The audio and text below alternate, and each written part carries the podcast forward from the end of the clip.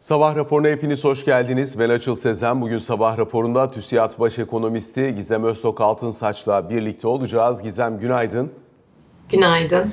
Şimdi bir taraftan dünyadaki gelişmelere dönüp baktığımızda %5'lere değmiş olan bir Amerikan tahvil faizi ancak piyasanın en kötümserlerinin dahi buraların biraz fazla kaçmış olabileceğine dair beklentileri ve ifadeleriyle birlikte ki aslında geçen hafta da e, senin de üzerinden geçmeye çalışmıştık. Örneğin Morgan Stanley gibi %5'lere geldikten sonra buralarda bir miktar tahvil alımı önermeye başladıklarını, şimdi bunun biraz daha yaygınlaşmış bir pozisyonlanmaya doğru döndüğünü dolayısıyla 5.02'lere kadar giden Amerikan 10 yıllık tahvil faizinin şu anda 4.84'lere kadar gerilediğini görüyoruz.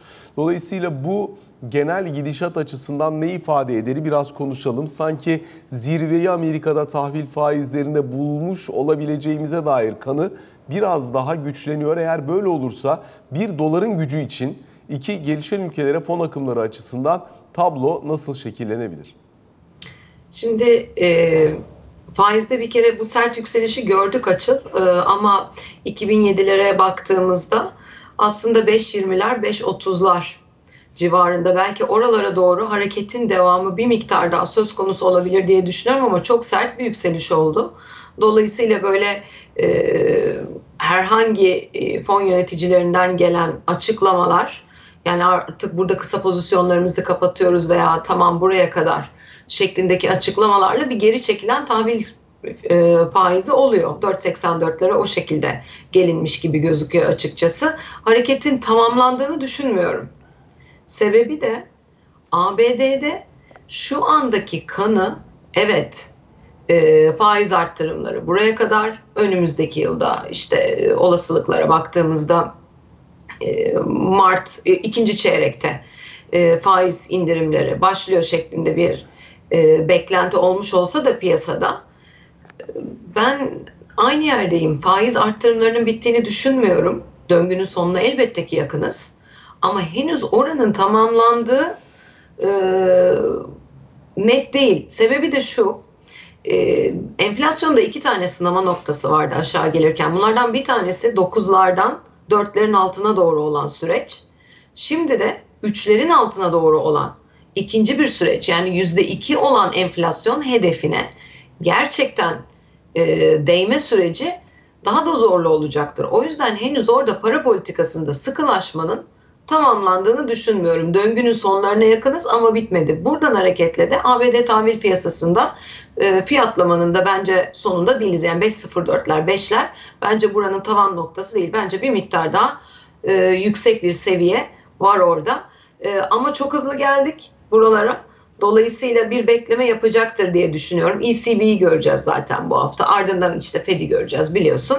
Ee, yoksa Powell'ın konuşmalarına baktığında burada hala daha sıkı e, para politikasının korunması ve sıkılaşmanın devamına bir miktar daha ihtiyaç var gibi e, gözüküyor. Tabii e, Fed başkanlarından son derece karmaşık, farklılaşan e, açıklamalar geldiği için biraz tahvil piyasası da böyle hareket etti ama hatırlatırım 4.60'lara doğru da çekilmiştik. Bir haftalık vadede yanlış hatırlamıyorsam gene yükselişlerden 4.88'lerden 4.60'lara çekildik ve çok hızlı bir anda yukarıya vurduk yeniden. Dolayısıyla bu 4.84'ü de sadece bir geri çekilme hareketi olduğunu düşünüyorum. Biraz oyalansa da yeniden yukarı atma ihtimali bence var. Henüz bitmedi oradaki e, tavanı görme, peak'i görme e, durumumuz. Parite tarafında ama farklılaşan bir görüntü var. Onu söyleyebilirim. Yani ben dolar lehine durumun devam etmesini ana ıı, görüntüde devam etmesini bekliyorum ama kısa vadede e, özellikle 1.05'lerde çok oyalandı. Normalde bak ABD 10 yıllıkla e, pariteyi çizdirdiğinde 10 yıllık kuzeye gidiyor e, paritenin normalde dolar lehine devam ediyor olması gerekir güneye doğru. Fakat parite böyle hareket etmedi. 1.05'te oyalandıktan sonra 1.06'ın üzerine çok hızlı geldi ve sert yükselişine devam ediyor. E, dolayısıyla kısa vadede sanki böyle euro lehine dönmüş bir görüntü var orada da. O yüzden şu anda e, bir miktar böyle değişen geçtiğimiz iki haftaya kıyasla değişen bir fiyatlama var gibi gözüküyor orada paritede. Peki Gizem, Fed başkanları biraz fazla konuşuyor olabilir mi diye sorayım sana. Bu hani Özellikle normal yapıyor iletişim, evet yani şimdi bu normal iletişim politikası içerisinde Fed başkanlarının verdiği sinyaller ve mesajlar yön belirlemesi de çok önemli. Dönem dönem Fed'in kafa karışıklığı yaratmak için veya finansal koşullardaki sıkılaşmayı daim kılabilmek için de benzer şeyleri e, söylediklerini ya da stratejiyi uyguladıklarını görüyoruz. Ama şu anda o kadar ciddi bir kakafoniye dönüştü ki tırnak içinde söylüyorum bunu. Kimse de net bir şey anlamıyor. Yani hani bir faiz artırım daha olsa ne olur, olmasa ne olurdan ziyade ne kadar süre uzun kalacak, Fed'in enflasyon konusundaki net bakışı ne? Bunlara dair çok net bir çıktı alabilmek Fed başkanlarının konuşmalarından mümkün olmuyor gibi görünüyor. Tam öyle mi emin değilim. Biraz dikkatli okuyup ondan sonra da dataların çoğunluğuna bakıp e, bütünsel bir görüş oluşturulabilir bence açıl. Şimdi data bize neyi söylüyor? ABD enflasyonuna baktığımızda son 3-4 aydır e, enerji komponentinin enflasyonu bayağı aşağı çektiğini görüyoruz. E, dolayısıyla bu aslında dışsal bir e, rakam olarak düşünelim. Yani çok böyle taleple arz tarafından bahsediyorum. Taleple hareket eden bir rakam gibi gözükmüyor. Daha çok fiyatla hareket eden bir rakam gibi gözüküyor. Dolayısıyla da e, orada bir farklılaşma olduğu takdirde, enerji fiyatları yüksek kaldığı takdirde risk oluşturuyor. Demek ki enflasyonda enerji tarafında bir risk var. Hizmet rakamlarına baktığımızda, hizmet kalemi de fena olmayan azalmasına rağmen hizmet enflasyonu geçmiş döneme kıyasla hala güçlü ve yapışkan. Aslında tüm dünyada hizmet enflasyonu yapışkan. Mal enflasyonuna kıyasla bu tüm dünyada gördüğümüz bir süreç. PMI'lerin alt detaylarına baktığımızda. Dolayısıyla hizmet demek de talep kaynaklı enflasyonun hala küçük küçük de olsa devam ettiğini yani burada sürecin tamamlanmadığını gösteriyor ki ABD ekonomisine işte perakende satışlar geldi. E, istihdam verileri ara ara karışık geliyor ama böyle çok resesyona giden veya e, sert inişe giden bir görüntüden ziyade daha yumuşak inişi e, tamamlayacak bir görüntü var gibi gözüküyor toplamda baktığımızda. E, dolayısıyla bence oradaki süreç tamamlanmadı. Sebebi de dediğim gibi keşke şu konuyu tam bir anlayabilsek. Yapışkanlık seviyesini nerede görüyor FED? 2,5-3,5 bandında mı görüyor? 3 ile 4 bandında mı görüyor?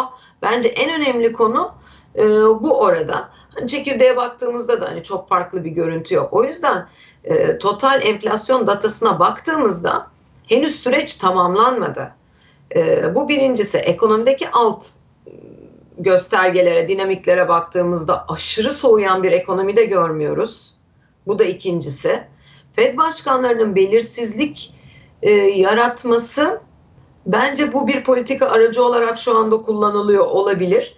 Çünkü kendileri de belli bir noktaya tam e, netleşemiyor olma ihtimalleri var. Sebebi de Covid sonrası dönemde FED şunu bile mesela doğru tahmin edemedi açıl e, ki olabilir. E, çıktı fazlası vardı ama bir dönem 2021'di galiba 2021 ya da 2022'nin başlarında arzdan dolayı enflasyon var diyen FED bir anda U dönüşü yaparak e, çok ciddi bir şekilde burada talep enflasyonu varmışa geldi. Hatırlayacak olursan. E, dolayısıyla süreçte Covid kaynaklı analiz yapmak ve ekonominin aslında potansiyel büyümesinin tam nerede oluştuğu ve hangi faiz seviyesinde iki enflasyon mu, iki buçuk enflasyon mu olması gereken yer bu konular bence şu anda net değil e, ve e, araştırma, research ihtiyacı da var bu konularda e, yeni bir döneme girdiğimizden dolayı. E, bununla birlikte o belirsizlik aracını kullanmayı tercih ediyor olabilir. Ama çoğunluğuna baktığında şimdi 110 kişi konuşuyorsa 15 kişi konuşuyorsa yüzde kaçı duralım diyor. Yüzde kaçı aslında hala devam etmemiz diyor ya baktığımızda aslında çoğunluk duralım diyor. E, finansal koşullarda yapması gerekeni yerine getiriyorlar. Bizim görevimizin bir kısmını da alıyorlar. Sıkılaştığı için finansal koşullar diyorlar. E, ama böyle bir e, fazla açıklama geldiğinde hop bir taraftan şunu görüyoruz hayır henüz işimiz bitmedi açıklamasını görüyoruz. Ee, ben totale baktığımda e, sürecin tamamlanmadığını düşünüyorum. Hala da bir ya da iki e, faiz arttırımı söz konusu ama senin de sen demin şunu söyledin şu çok mühim. Bir ya da iki değil burada mühim olan. önümüzdeki yıl bir faiz indirimi söz konusu olacak mı? Bence esas sorulması gereken o. Ben hiç öyle olacağını zannetmiyorum. Hiç o sayfada değilim. Hiç piyasanın beklediği kadar erken Fed'in bir faiz indirimine geçeceğini düşünmüyorum.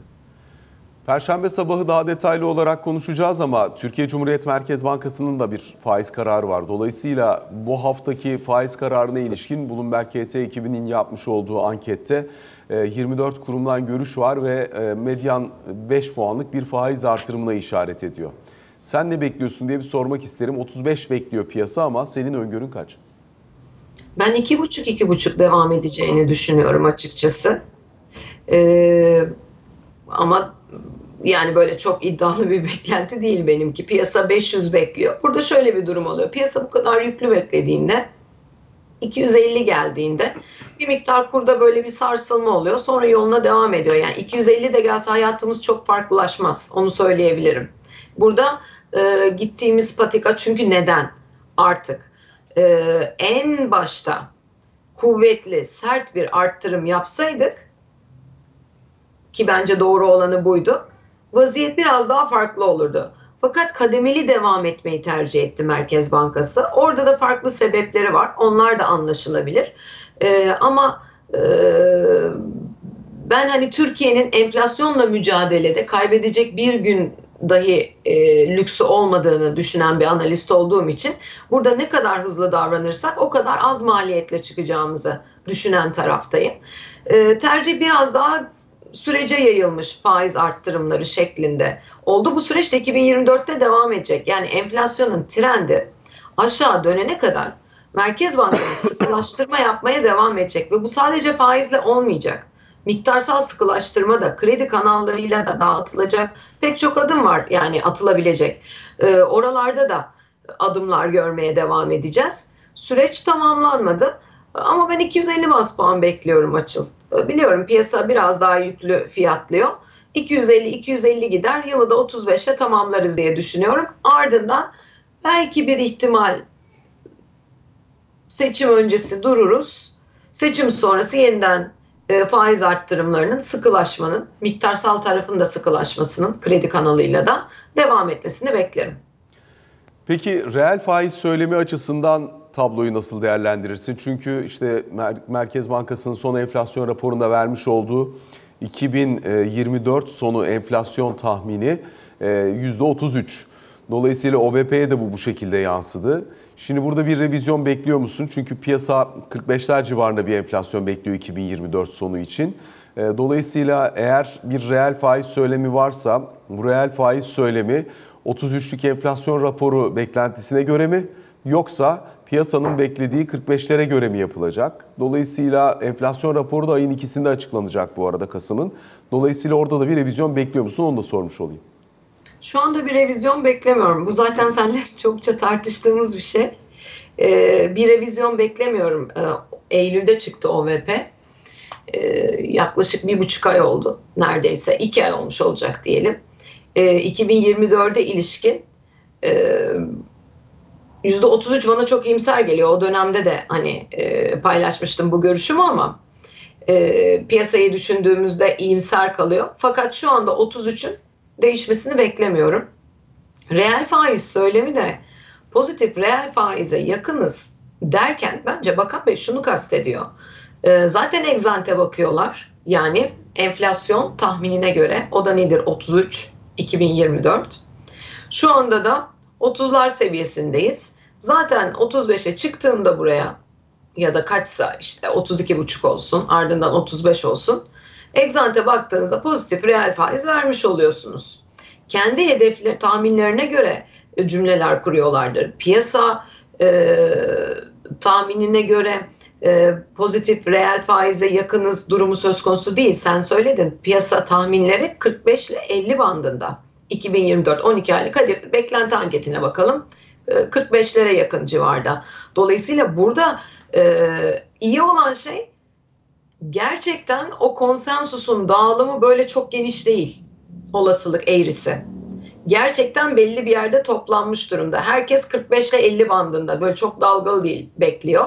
Herkes de politika faizinin 45'ler civarına yıl sonunda gelmesini bekliyor. Bayağı güçlü bir konsensus oluşmuş durumda orada. Ama pozitif reel faiz söylemini e, kesinlikle piyasa tahminine göre olduğunu düşünmüyorum. Merkez Bankamızın 2024 %33 e, tahminine göre olduğunu düşünüyorum. Zaten 45'e göre oluyor olsa oradan çok uzağız. Şu anda o pozitif reel faizden çok uzağız. Ki o zaman şunu Ee, sorayım yüzden- sana. Özellikle e, piyasanın beklediği enflasyonla e, Merkez Bankası'nın enflasyon raporundaki enflasyon tahmini arasında 10-12 puanlık bir açıklık söz konusu olacak ve reel faiz de bu politika çerçevesine oturtulacak ise elbette burada şunu anlıyorum. Yani ima edilen sıkılaşma 30'un gösterdiğinden daha fazla deniliyor.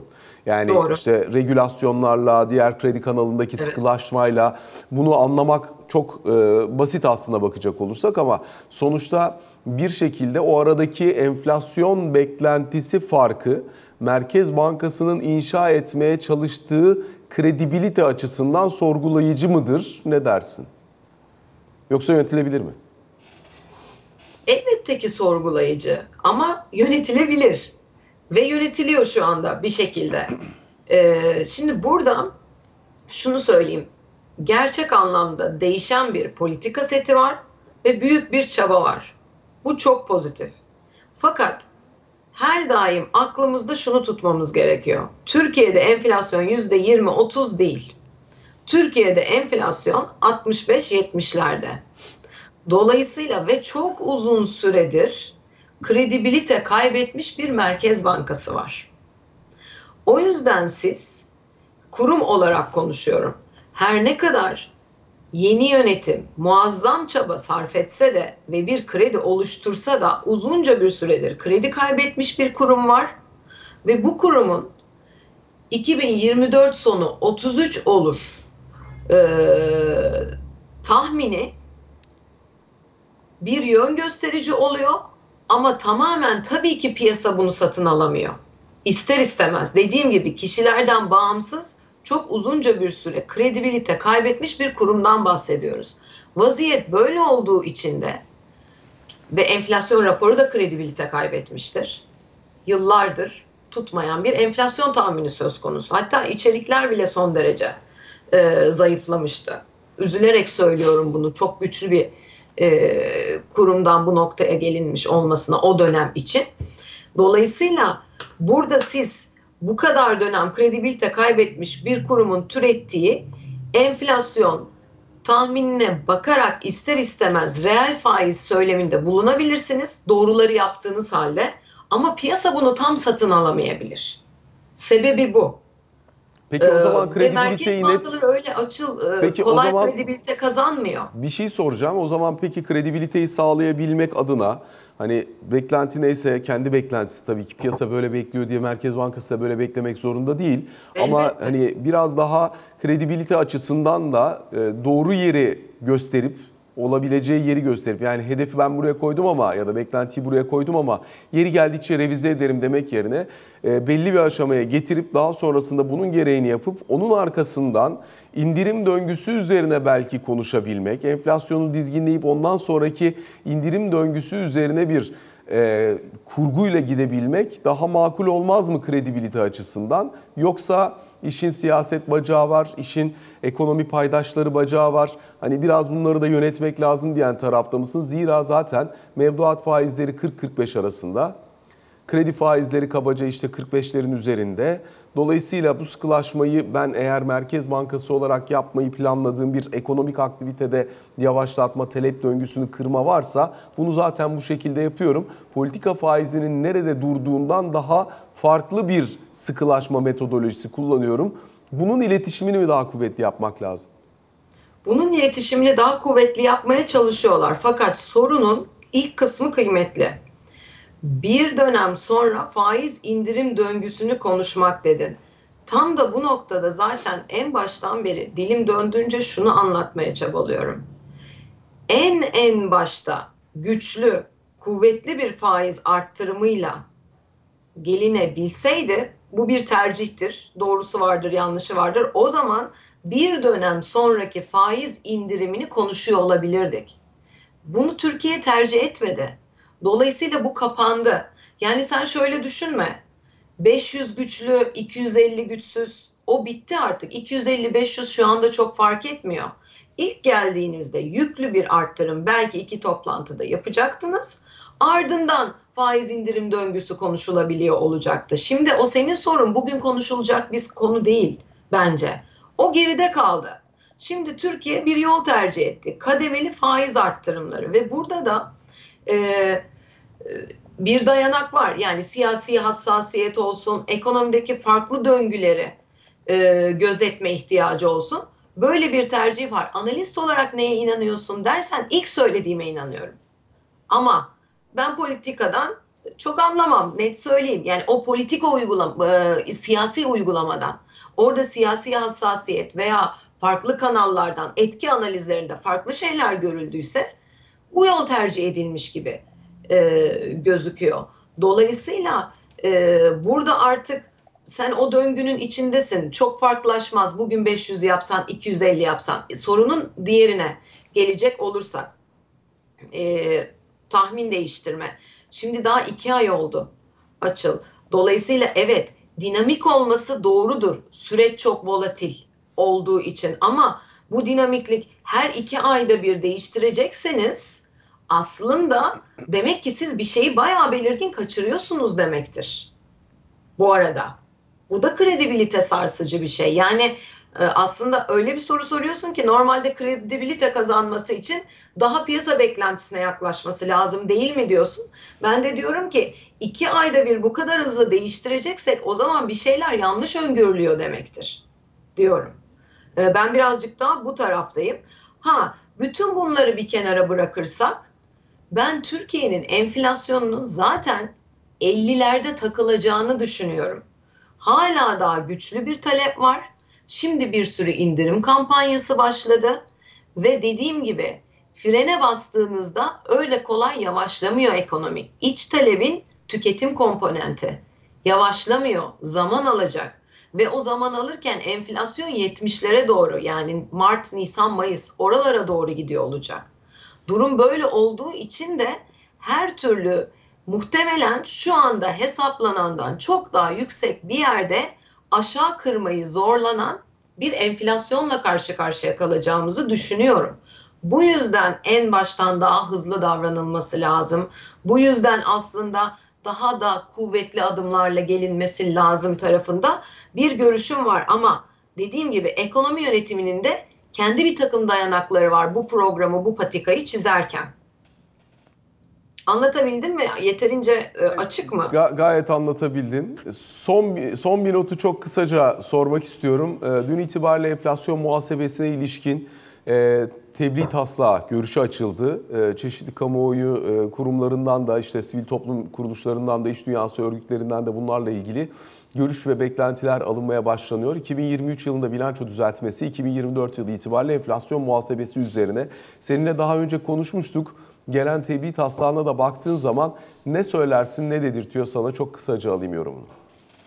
Ya konuştuğumuzdan farklı bir durum yok. VUK'a göre zaten 2023'te bu bilanço düzeltmesi yapılacak. Buradan kaynaklanan artı eksi fark o kaleme gidiyor olacak. 2024'te de e, sistem e, devreye girecek. Olması da gereken bir şey. Ona göre de şu anda e, muhtemelen etki analizleri yapılıyor konuşmuştuk seninle. Yani buradan daha mı fazla vergi çıkıyor? Sanayiyle banka zaten ayrı biliyorsun. Reel kesimle bankacılık tarafı. Ee, onun dışında şu anda süreç işlemesi gerektiği gibi gidiyor. Ee, taslak e, görüş toplanıyor şu anda açıl. O görüşlerde Kasım'ın ilk haftasında tamamlanıyor olacak. Ardından da e, atılan adımları görüyor olacağız. Bu arada yapılması gereken bir şey bankalar zaten yabancı ortaklı bankalar bunu her halükarda yapıyorlar. Reel kesimde dış borç borçla, e, dış borçlanması olan büyük kurumlar, uluslararası kurumlar, şirketler de bunu zaten e, yapıyorlar. Ama dediğim gibi genele yayılmış reel kesimin hepsinin yapması gerekiyor. E, olması gereken bir süreç. Hızlı da geliyor olması bence pozitif. Hızlı geliyor olması derken belki 2023'te de uygulanması gerekiyordu da e, orada bir aksaklık oldu. 2024'te geliyor olması da pozitif e, açıkçası. Sağlıkla bilançolar açısından olması gerektiği gibi. Gizem Öztok Altınsaç çok teşekkür ediyoruz. Bu sabah bizlerle birlikte oldun ve sorularımızı yanıtladığın için kısa bir araya gideceğiz. Sonrasında Ali Can Türkoğlu ile ikinci bölümde karşınızdayız.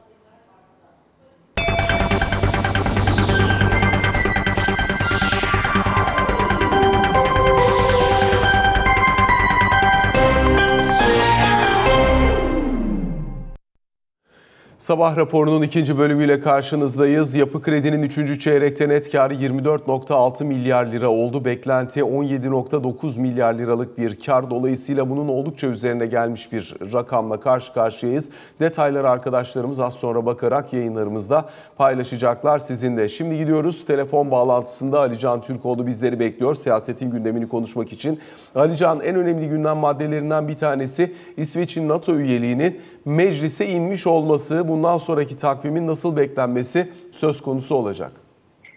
Evet, Cumhurbaşkanı Erdoğan tarafından imzalandı İsveç'in NATO'ya katılım protokolü ve bundan sonra artık meclisteki sürecin tamamlanması beklenecek. Şimdi imzalanan üçlü mutabakat sonrasında aslında işte neredeyse son bir yıldır e, birçok müzakere yürütüldü İsveç ve Finlandiya'nın da içerisinde oldu ama özellikle İsveç ile Türkiye arasında ve işte bir takım e, istenen değişiklikler vardı. E, özellikle İsveç tarafından yapılması istenen bazıları gerçekleştirildi. Bazılarının gerçekleşmesinin e, zaman aldığı ve alacağı ifade edildi ama işte terörle mücadele yasasında değişiklikler oldu. Anayasasının bazı hükümlerinde e, değişiklikler yaptı İsveç. İşte Türkiye'ye uyguladığı silah ambargosu vardı. Bunu kaldırdı ve e, Türkiye ile İsveç arasında güvenlik alanında yeni bir mekanizma, bir işbirliği mekanizması e, kuruldu ve dün e, İletişim Başkanı'ndan bir açıklama yapılarak Cumhurbaşkanı Erdoğan'ın İsveç'in katılım protokolünü imzaladığını ifade eden bir değerlendirme, bir açıklama yapıldı. Şimdi bundan sonra içeride iç onay süreci e, başlayacak. Önce mecliste bir kanun, uygun bulma kanunu çıkarılacak ve süreç önce Dışişleri Komisyonu'nda görüşülecek. Daha sonrasında da genel kurulda e, bu konu İsveç'in NATO'ya üye olup olmayacağı konusu görüşülüp oylanacak ve onaylanırsa resmi gazetede yayınlanarak Türkiye açısından içerideki süreç tamamlanmış olacak ama bir aşaması daha var. Bir de NATO aşaması var sürecin. Ondan sonra da NATO'da e, onaylanma süreci var İsveç'in üyeliği konusunda ama bunun zaten e, oldukça hızlı bir şekilde gerçekleşmesi bekleniyor. Çünkü şu ana kadar NATO üyelerinden yapılan açıklamalar zaten bu yöndeydi. Şimdi en yakın zirve olan zirve Temmuz ayında, Temmuz 2024'te Washington'da ama öncesinde yeni bir e, olağanüstü bir kararla yeni bir zirve kararı alınır mı? Bunu göreceğiz ama Türkiye açısından İsveç'in NATO üyeliğini onaylama sürecinin artık tamamen meclis e, ayağında olunduğunu ve bu süreçte de tarih muhtemelen bu hafta içerisinde e, belli olacaktır. Dışişleri Komisyonu'ndaki görüşme sürecinin ne zaman başlayacağı konusu önemli. E, bir de tabii işin Macaristan ayağı da var. İsveç tarafından bakıldığında e, oradaki sürece ilişkinde muhtemelen e, yakın zaman içerisinde Macaristan ilgili makamlarından da bir açıklama gelecektir. Son olarak bir de İsrail'de gelinen son durumu da değerlendirmeyi rica edeceğim. Çünkü orada da işte serbest bırakılan iki rehine var ama 200'ün üzerinde rehine devam ediyor. Kara operasyonu ile ilgili tartışma da sürüyor. Nedir gelinen son durum? Şimdi kara harekatının operasyonunun e, başlamasının gecikeceğine veya geciktirileceğine ilişkin iddialar aslında bu e, son dün, dün bugün daha çok konuşuluyor, dillendiriliyor gibi gözüküyor. Şimdi hem Amerikan basınında hem İsrail basınında buna ilişkin bir takım iddialar da var. Ee, yani Amerikan basınında harekatın ertelenmesi gerektiği yönünde İsrail'e bir çağrıda bulunuldu toplantılarda. Ee, bunun ana nedenlerinin de hem daha fazla rehinenin serbest bırakılması hem de insani yardımların sağlanmasının olabileceği ifade ediliyor. Mesela dün İsrail Ordu Radyosu'ndan e, bir e, yayın geldi. Bölgeye takviye Amerikan kuvvetleri gidene kadar bu karar harekatının erteleneceği yönünde bir karar alınmasının çok yakın olduğu ifade ediliyor. Yani tabii bir, bir takım farklı nedenler de sayılıyor. İşte askeri güçlerin, İsrail askeri güçlerin operasyonel hazırlığının e, artırılması, işte Hamas'ın elindeki esirlerle ilgili olarak yeni bir süreç işletilme ihtimali, e, yeni bir ek serbest bırakma anlaşma olasılığı yapılabileceği söyleniyor. Ama bunlar dışında aslında e, Amerika Birleşik Devletleri'nin de özellikle İran destekli grupların kendilerine yönelik e, saldırılarına hazırlanmak için e, bu yönde bir harekatın ertelenmesi yönünde bir söylem geliştirdiği yönünde de iddialar var. Dolayısıyla e, aslında geçtiğimiz haftadan biraz daha farklı şekilde İsrail'in beklenen kara harekatının beklenen kadar erken, beklendiği kadar erken olmayabileceğinin daha fazla konuşulduğu bir süreç içerisindeyiz.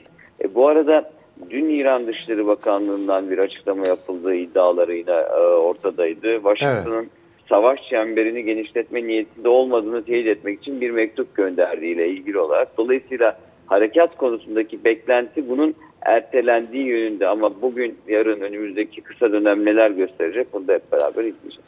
Alican teşekkür ediyoruz. Böylelikle sabah raporuna bugün için son noktayı koymuş oluyoruz. Hoşçakalın.